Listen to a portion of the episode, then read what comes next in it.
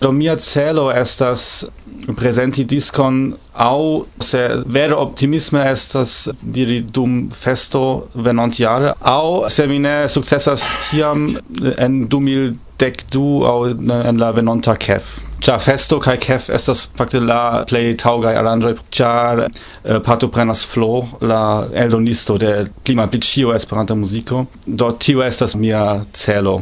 Ĉu vi deziras ion mesaĝi per via muziko? Aŭ vi simple muzikumas, ĉar vi ŝatas eh, klavaron kaj vi ŝatas kanti?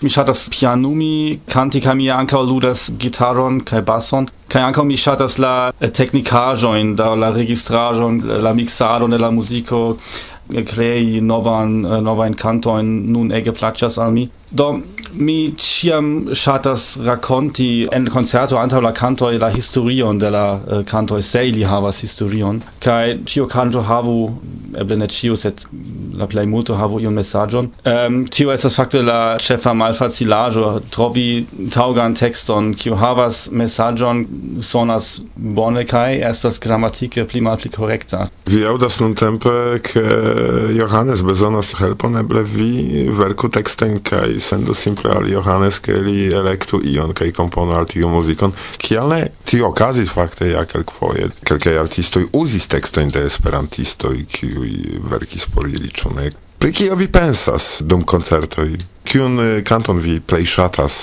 Fakte mi ege ŝatas prezenti la amo kanton de Tomio aŭ de uh, Perdita Generacio. Estas belega canto, quamcam mi ne vere shatas amo cantoin, sed tio estas fakte excepta caso, tio mi volonte presentas en concertoi. Do nun tempe mi ankaŭ shatas presenti uh, eh, la miain, exemple la canton kiu mi verkis dum pasinta jes. Estas tio, kies refreno estas tie Lasu la homo in sonĝi, lasu ilin revi, caresu ilin nur per via i sono gis la lasta, la lasta kandel en la refreno kai do di temas pri um, iu gufuja sperto kiun mi kai aliai dum yes uh, eh, faris. Do ni gufujumis gis la sesa horo matene do pianumis Denis Benman kai mi kaj ni interŝanĝis eh, uh, unulalian ia la sesa ca duono eh, elchapigis la lasta candelo, ca in la disceo oni ja lau la canto de Kim danzas gis la nocto nocto fin, do mia respondo de la gufuio estas gis la lasta candel. Tio estis facte canto cio mi ege shatas ca ege shatas presenti, ca vele eh, basigia sur eh, sperto en Esperantujo. Vidi, ne vidas care auscultanto, char eh, ancora ne venis tempo de televido de Varsovia Vento, sed ni estas en la verdejo de Varsovia Vento, kaj sidas malanta dorso de Johannes eh, kelkaj eh, klubaninoj. Ankaŭ Dorota kiu jesas ĉar ŝi probable memoras eh, tiun komponaĵon kiu estis kreita dum jes jes vidu. Ĉar kiam vi rakontis ŝi jesis jes jes jes mi memoras ĉu ne? Kiu plej forte impresas vin en la mercato de esperantistaj muzikistoj? La esperantista musicisto uh, eh, do plain impressas min ke vere multa in un tempo faras en ege profesia nivelo uh, musicon. Eh, uh, ke mi am diris Chris Spitzer de core faris ege profesia nivelo uh, musicon. Ah, uh, set set anche homo kiel exemple Martin Wiese ege alt nivele musicumis kai eldonis bonegan discon antau anka kun persone kai aliai uh, exemple Erik uh, Logilavia via conas lin au initialoi dotso ege professine vere musicumas kaj tio vere impressas min ke homoj tio multe da tempo elspezas por Esperanto Do amikino tempo por vi demandi goniam me me me Fakte mi havas demandon pri tiu kanto kiun vi verkis dum kef, dum ilnau. Ĉu estis la etoso de tiu aranĝo kiu iel inspiris vin verki tiun kanton? Uh, yes keine. ne do fakte mi tion unuan linion kio texas, ču vi imagas uh, belegan sun crepuscon, uh, äh, tion mi havis jam antau. fakte tio esis mia enkonduko tion mi portis en mia orelo jam dum kelkai monatoi. do la messaggio de la canto estas ke se vi imagas ion se vi havas ion en via via fantasio, ne suficias simple nur imagi oni devas fari ion kai, fakte tio estes mia fakte kion mi mem faris. So mi diris do ne sufiĉas simple nur imagi verki kanton oni simple faru ĝin kaj do tion mi faris dum kef. Kian numeron da ŝooj vi havas? Ĉu vi celas uh, usonan eŭropan germanan? En germanio estas kvardek tri. Kvardek tri. Kiel ofte vi lasas vian barbon? Borbone kis um, do fakte tio ege dependas de mia uh, sento. Do foje mi sentas nun mi denove faru ion kaj eh, sed um, foje tri foje semajne foje tri semajnon tute ne. Ĉu vi ŝatas ion aldoni saluti iun amikon aŭ dediĉi aŭ iu amika amikino iun kanton? Do fakte mi volas dedici ion al mia lernantoi qui uh, eh, lernas ĉe mi Esperanton kai do mi esperas ke ili iam faras simila in kiel mi kai konas tion vere liberetsan uh, eh, mondon de Esperantujo eble ili trovas kiel mi krom siai ne esperantai profesioi kelkain esperantai, cia ili estas ege fructidonai eh, en la amicetsa rilato. Carai lernantoi de Johannes, auscultu jen por vi.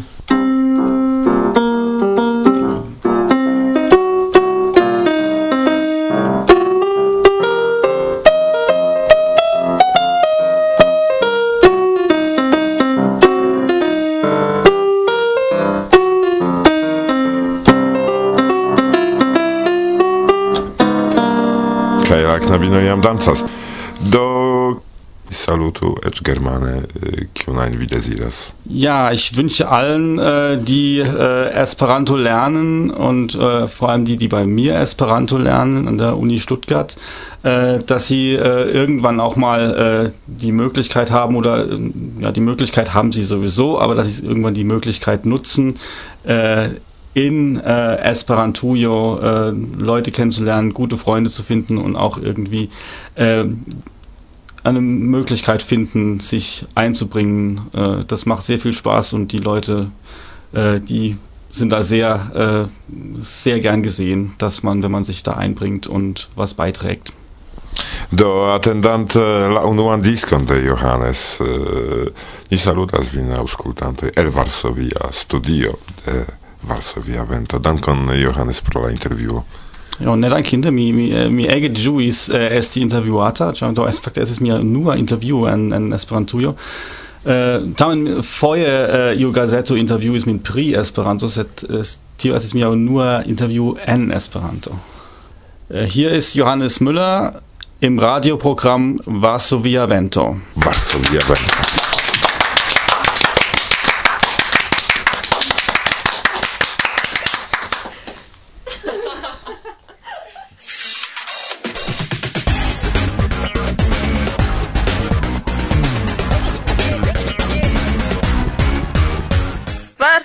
vento. Bla bla bla bla. Mi estas Tea Radovanovic kaj salutas in ge auskultantoj. Mi estas Maria Jerković el Kroatio, instruisto matino pri la angla kaj la kroata kaj ankaŭ pri Esperanto kaj mi ŝatus prezenti kune kun Tea la projekton de Kroata Esperanto Ligo. Kaj kion vi prezentas? Tradukan projekton kiu nomiĝas Hindia infan libro en Eŭropo kaj tri infan libroj eŭropaj en Hindio. Ĉu vi ne povis selekti iun kroatan infan libron? Uh, do ne estas speciala projekto ĉar estis programo kultura ĉe Europa Komisiono kaj libroj kiuj estis elektitaj por tradukado origine venas el Kroatio, Italio kaj Slovenio, sed ankaŭ estas unu libro en la bengala lingvo el Hinda Unio. La bengala verko estis tradukita de Malzareda Gupta en Esperanto kaj poste ĝin tradukis en la italan Massimo Akai kaj Silvia Garnero en la kroatan Domagoj Vidović kaj en la slovenan Vinko Ošvak. Interesa afero. Yes, sed anca interesa afero estas ke che la play grava lingvo estis la ponto lingvo Esperanto, Cer pere de tiu lingvo oni sukcesis traduki originaloin en la celitain lingvoin. Kaj ni tradukis unu faman eh, bengalan libron da Marushari de fama verkisto el Hindio Mukopajai. Kaj la tri el Europa Unio, unu el la Kroata estis Vakaj Tapu de Joža Horvat, dua estis el Slovenio Tone Partlić, mi desirus tuŝila sunon, kaj tria estis tag libro de Joĉo Tempesto de Vamba. Kial vi pri tio okupiĝas ne pri organizado de la esperantistaj eventoj en Kroatio somere, ekzemple? Do, estas vere grave, porque infanoi en la mondo povus perti culturoin kiu ili ne povus perti. Do,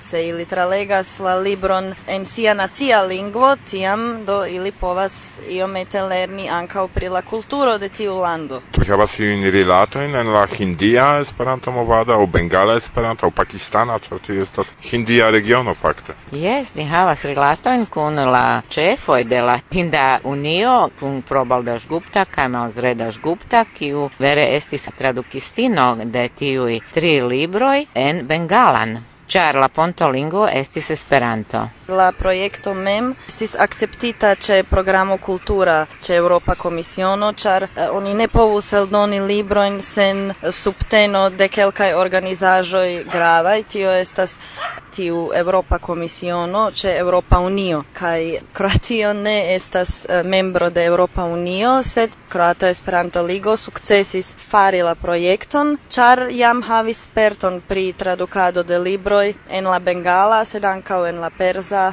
en la vietnama en la ĉina pere de lingvo Esperanto kaj tiu instanco ebligis ke la projekto okazu. Eble aliaj esperantistoj deziras fari similan aferon kun aborigena lingvo ekzemple. Kion vi rekomendos al ili? Kion ili faru? Oni devas eh, demandi de kelkaj kulturaj institucioj kaj ili certe ricevos monon, ĉar tiu kultura aranĝo gravas. Ni estis felice, ĉar eh, subvencion donis la fonduso pri la kulturo, kaj ankaŭ Esperantic Foundation subfinancis nin, kaj ankaŭ Ministerio pri la kulturo en Kroatio kun financis la projekton.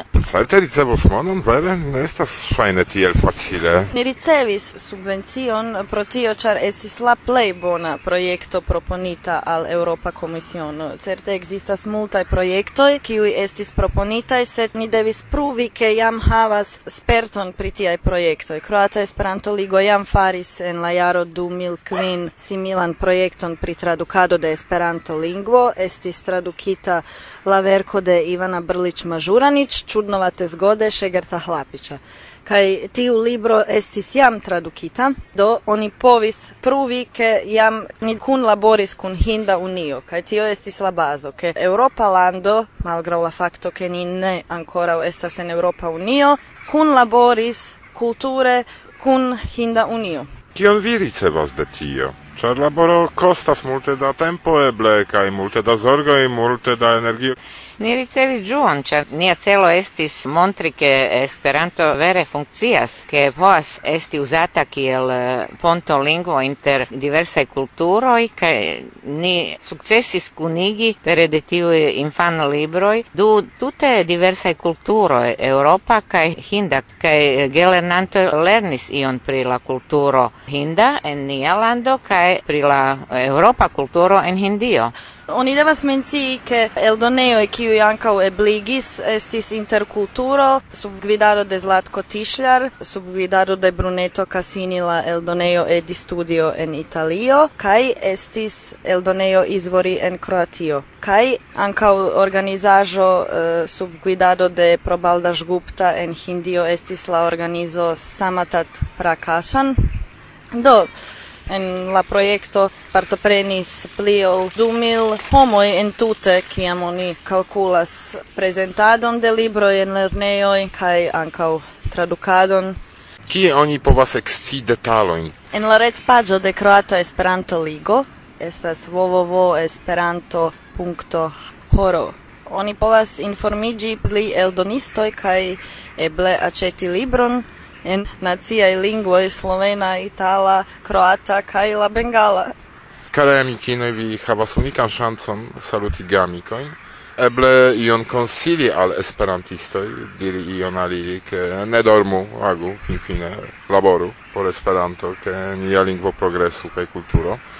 Vi bone diris che ni devas agi, ni devas labori por Esperanto, che montri che gi estas vera utila lingvo, che gi funkcias po povas esti uzata tra la tuta mondo che mi salutas ĉiujn aŭskultantoj pozdrav iz Hrvatske Mi invitas al ciui aŭskultantoj venu al Poznano en polando kai studu interlingvistikon au partoprenu instruisten trenadon. Sada slušate Polski radio Varsovia Vento.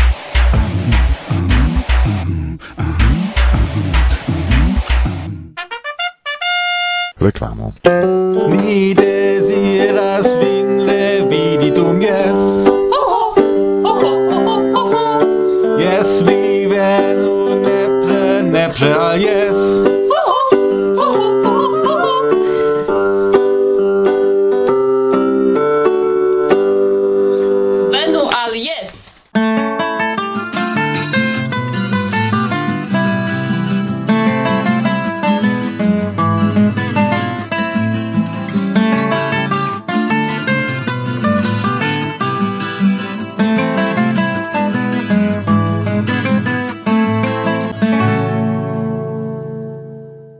Varsovia Vento. blum, blum, blum. Ha, novaj mikrofonoj! Irek rezignis trinki kelkajn bierojn por ilin aceti. Por ni? Kiel vi supozas? Por ni! Nekredeble! Por ni, kara! Do, tuj ni komencu! Plaĉas al mi la novaj mikrofonoj. De kiu flanko mi estas? Dekstra aŭ maldekstra? Ŝajne maldextra. Tiu estas dekstra, tiu maldekstra. Mi volas esti en la dekstra. Ne, me, mi volas esti en la dextra. Ni ne batalu pri bagatelaĵoj. Ne valoras. Donu al mi la dekstran. Muziko!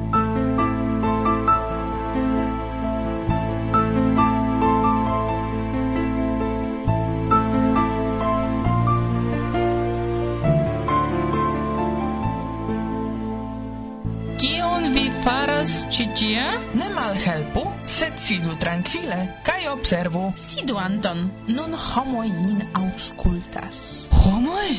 Saluton, homoj! Mi estas Anton, mi! Pardonu, kara, tio ci estas nia programero. Yes, venos via tempo. Ĉu vere? Yes, atendu iom. Nu, bone. Do, kara, Kion hodiaŭ ni faru? Ni promesis prezenti aktualaĵojn. Bone, laste mi aĉetis novajn altajn ŝuojn, jupon, sminkojn kaj... Ne freneziĝu me. Bone vi scias, pri kiuj aktualaĵoj temas. Me, me, me. Saluton!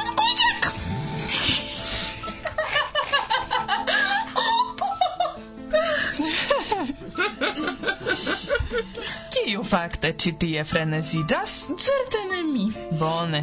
Do, ni trarigardu aktualaĵojn.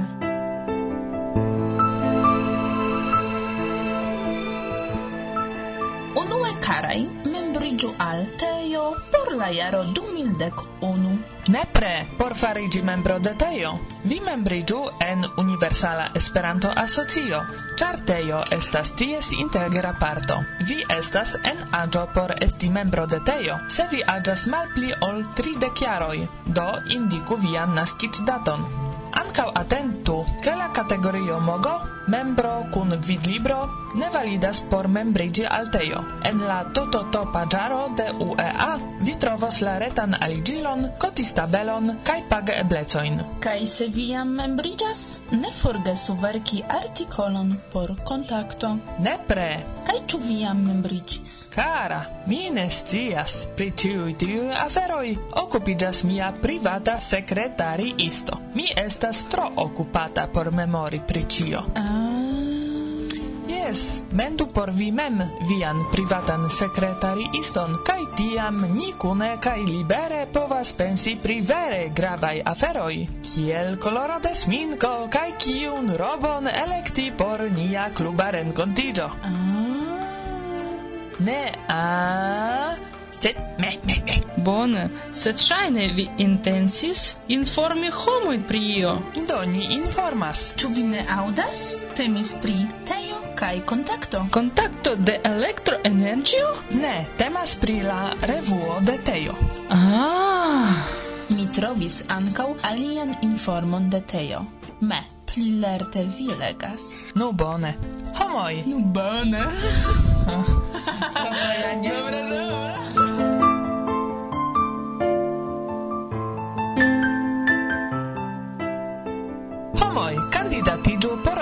organizi sesdek okan internacian junularan kongreson en via lando. Tejo organizos la kongreson kune kun vi. Kiel kandidatigi? por inviti iokon al via lando, necesas plenigi invitilon kaj sendi ĝin ĝis la 1 de decembro 2010. Pli multe da informoj serĉu kompreneble ĉe la paĝo de Teo. Kaj ne forgesu, ke la nuna kongreso okazos en mia lando. Jes, ĉar Anton estas el Ukrainio, sed ĝis nun vi ne rimarkis. Mi ne rimarkis. Sed mi rimarkis kai mi rimarkis informon pri John M. el Germanio, kiu antau kelkaj monatoj esperantigis, kai anoncas ke baldaŭ aperos pli multe da muziko en ritmo de regeo. La unua pezzo karaoke kapteblas jam en la reto ĉe YouTube. Serĉu la ligilon en la priskribo de la resendo.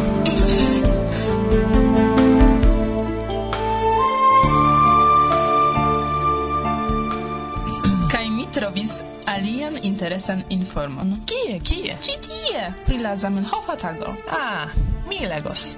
Laŭ la bona movada tradicio festi ĉiujare decembre Zamenhof feston ankaŭ en la urbo Jekaterinburg, ĉefurbo de Urala regiono de Rusio, kunvenas esperantistoj. Ciara preparado al la festo jam komenciĝis. Ĉe organizantoj aperis ideo lanĉi du konkursojn ligitajn kun Zotago, kaj vi estas invitita aktive partopreni ilin. Konkurson? Yes! Unua estas skribu leteron al aŭtoro de Esperanto. Elektu mem en kiu genro ĝin verki, ĉu en proza, poezia, humura aŭ alia. Ankaŭ enhave leteroj povas esti variaj. Eble vi deziras turni vin al la majstro kun iu peto aŭ rakonti al li pri iu interesa e-evento en via urbo, au komuniki kiel vi ekŝatis kaj lernis la lingvon. Eble vi simple volus danki lin kotopo. Sendu kontribuaĵojn ĝis deka de decembro. La plej interesaj leteroj estos publikigitaj kaj aperos en retejo de organizantoj. Autoroj de tri la plej sukcesaj leteroj ricevos premiojn de la organiza Esperanto. Kaj oni mencias ankaŭ pri fotokonkurso Zamenhof kaj mi. Aŭskultu. Se vi ŝatas foti, ili proponas al vi partopreni tiun ĉi konkurson de fotoj. La fotoj povus montri ne nur vian propran vidon de Ludovico Zamenhof, sed ankaŭ prezenti vin mem apude. Bonvenas fotoj koloraj kaj nigra blankaj, seriozaj aŭ ŝercaj. Estos acceptataj ankaŭ videomaterialoj. La plej interesaj fotoj eniros la retan fotoalbumon dediĉitan al Zotago kaj tri elektitaj de ĵurio fotoj ricevos premiojn de organiza komitato. Viajn kontribuaĵojn al ambaŭ konkursoj sendu al jena adreso Zamenhof, haltostreko, konkurso, helico, mail.com ROU. Viaj kontribuaĵoj por la concursoi estas bona okazo partopreni aranĝon dum ĉiara zotago en Jekaterinburg. Eĉ se vi mem ne povos veni kaj ĉeesti ĝin. Aha, interese. Jes, des pli, ke la konkurson organizas eldonisto de la revuo Komencanto. Viktor Kutriavcev. Li estas komencanto? Vi estas komencanto. Sen komentario. Mek, mek.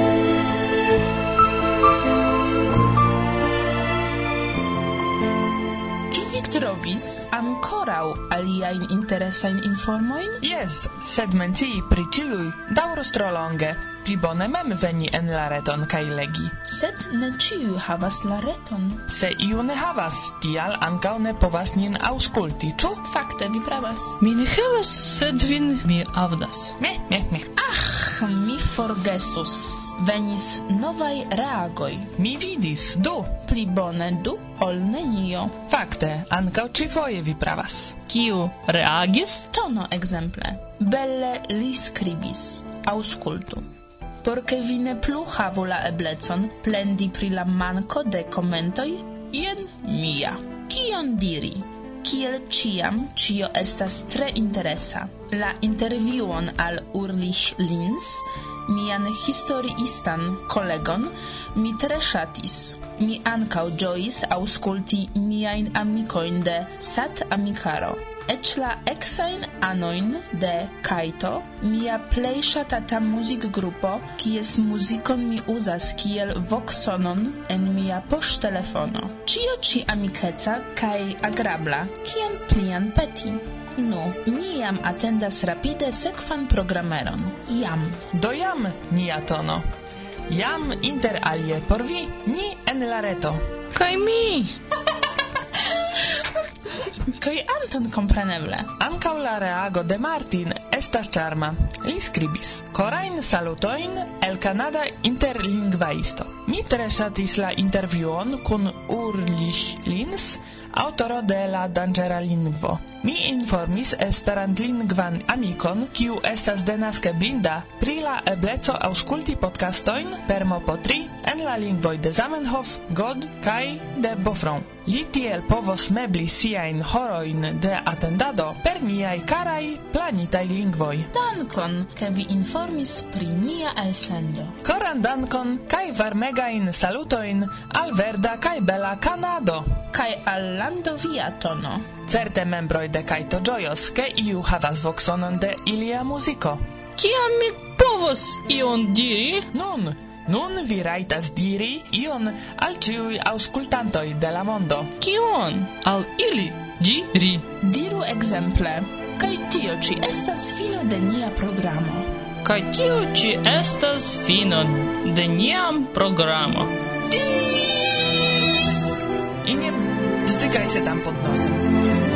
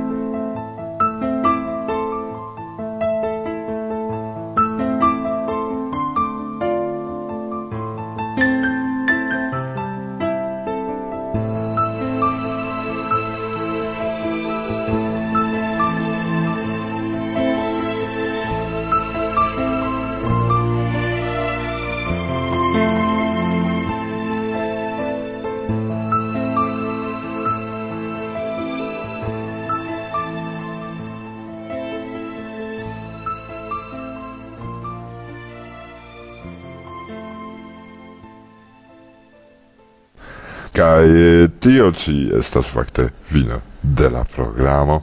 La Varsovia studio de Varsovia vento nome de la tuta freneza redakcio kore salutas vin mi. Irek. Cion bonan al vi.